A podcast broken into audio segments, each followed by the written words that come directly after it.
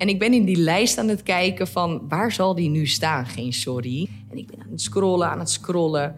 En ik zag maar niet mijn liedje voorbij komen. En toen dacht ik, hè, is die dan al gewoon... Volgens mij kan je zelfs tot, tot eh, 200. 200 doorscrollen. Ik denk, nou, is die er gewoon nu al uit? Wat erg, want iedereen is zo enthousiast. Hoe kan dat nou? Stond hij op één. Hey, leuk dat je luistert naar de Tijd gaat mooie dingen doen podcast. Hierin bespreken Erik en ik het maakproces en de achtergronden van alle liedjes van mijn nieuwe album. En vandaag in de aflevering Geen Sorry.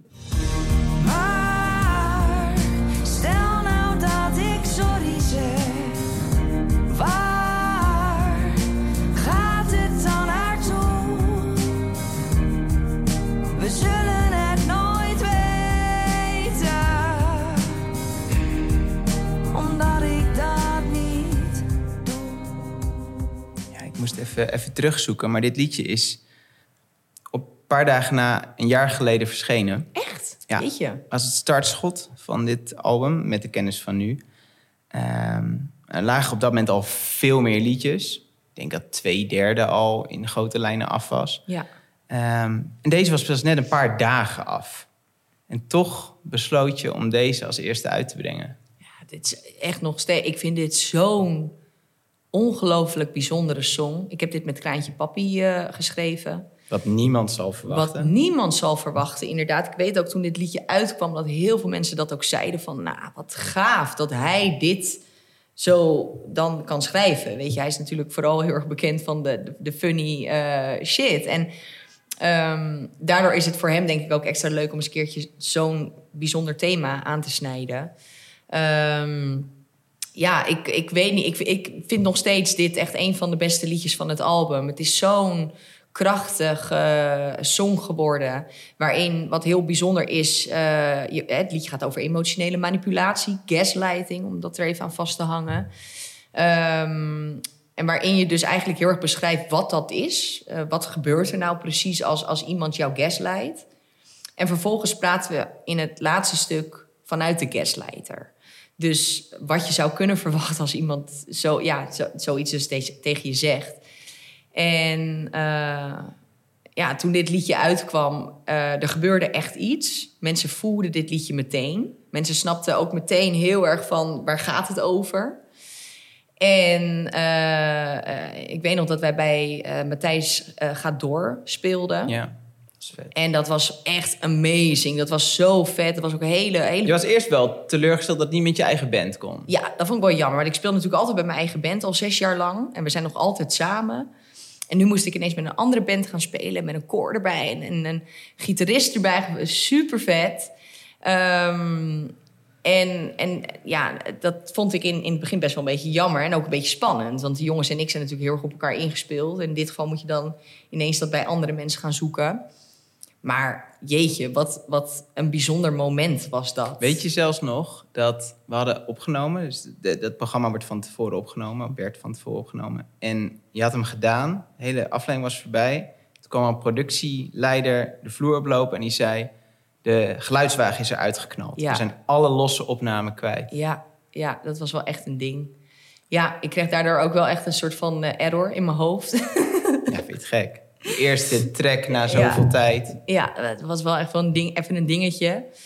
Ze hebben het overigens heel mooi opgelost. Ze hebben Ja. een, een, een lineair spoor, dus zonder alle losse, eh, losse Ja. drummen. En dat is echt gewoon prima geworden en heel tof geworden. Maar dat was Nou ja, even voor de mensen thuis. Dat de reden waarom je het dan van tevoren opneemt... is omdat je dan... eh, je hebt niet heel lang de tijd ervoor. Want het, het wordt niet dagen van tevoren opgenomen. Nee, het wordt een uur van tevoren opgenomen. Ja. Dus eh, het is niet zo van... oh, we kunnen even lekker een soort autotune eroverheen leggen. En Nee, het is iemand helemaal- balansen. Het is de balansen in bepaalde vocalen van koor, mij... eh, hè, de, de dingetjes even net wat harder, zachter, mooier onder elkaar leggen. Gampje hier, daar.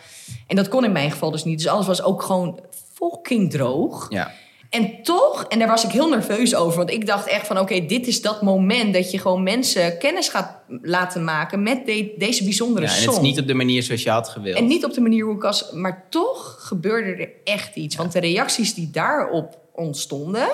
Dat was, dat was echt geweldig, weet je. Mensen waren zo lovend en lief. En hè, laten we wel zijn. Ik bedoel, ik ben huisband geweest bij de Wereld Draait Door. Daar ben ik echt wel eens volledig afgemaakt op eh, het afvoerputje van de maatschappij Twitter.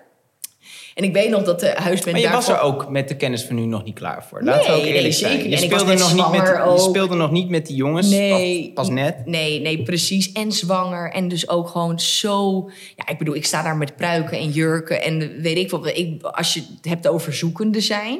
Maar ik vond het wel heel vet dat ze me vroegen. En zij waren echt mega enthousiast. Ik ook, hè. Want ik heb daar echt gewoon een hele fijne tijd eh, gehad.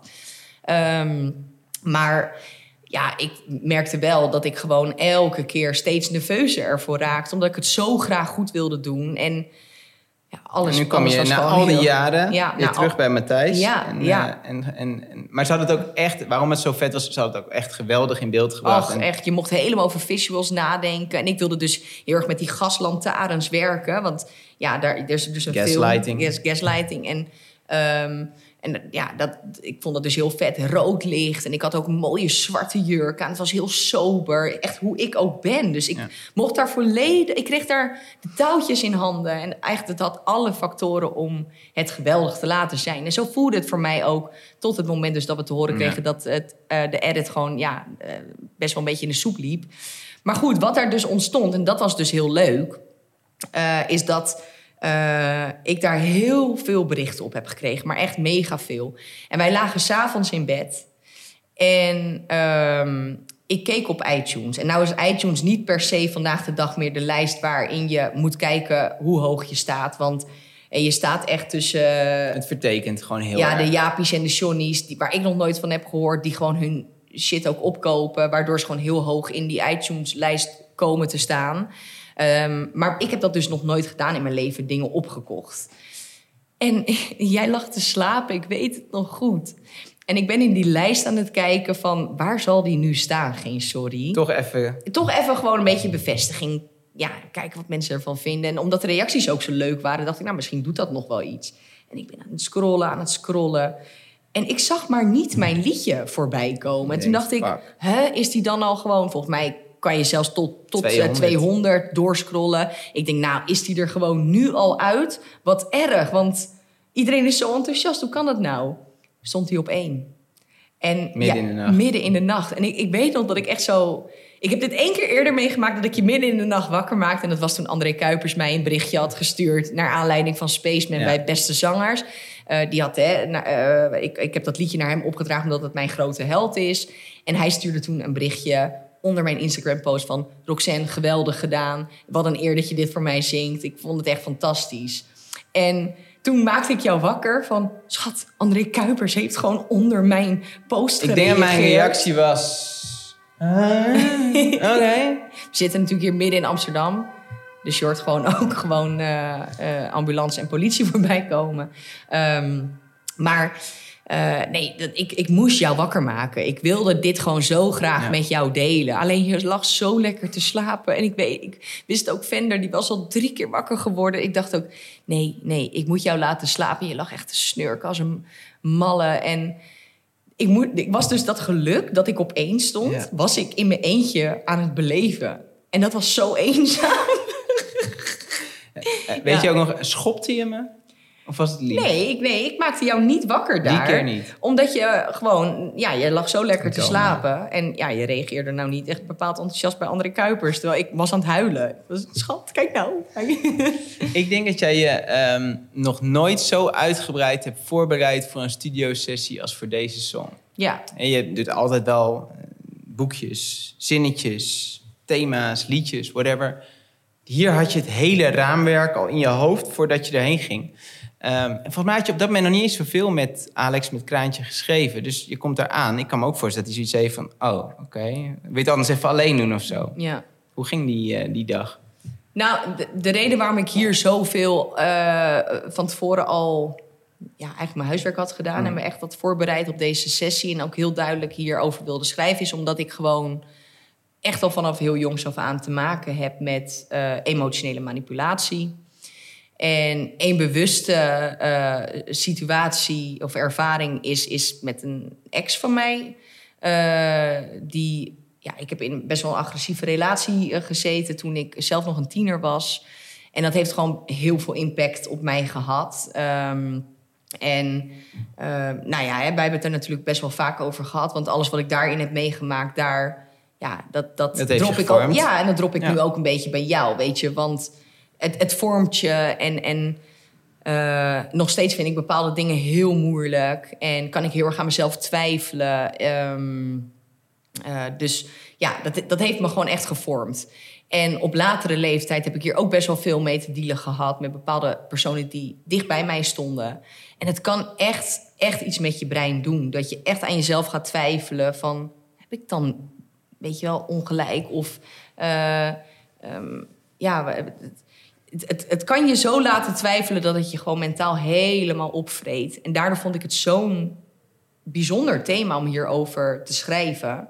Dus ik kwam aan bij die sessie en ik wist al heel duidelijk van Alex, hè, Kraan, ik wil, ik wil het hierover hebben. En ehm, ik, ik, ja, ik denk Dit dat gaan dit, we gewoon doen. Dit gaan we gewoon doen. Ik denk dat dit heel mooi is. En nou ja, hij kan dan ook meteen zijn gedachten gewoon helemaal daarin op, op storten. En dus dat was echt ja, een fantastische sessie waarin we eigenlijk al heel snel, want echt geen sorry is echt nou, in een, als het in twee uur geschreven is, als in geschreven, opgenomen, geproduceerd is, dan is het lang.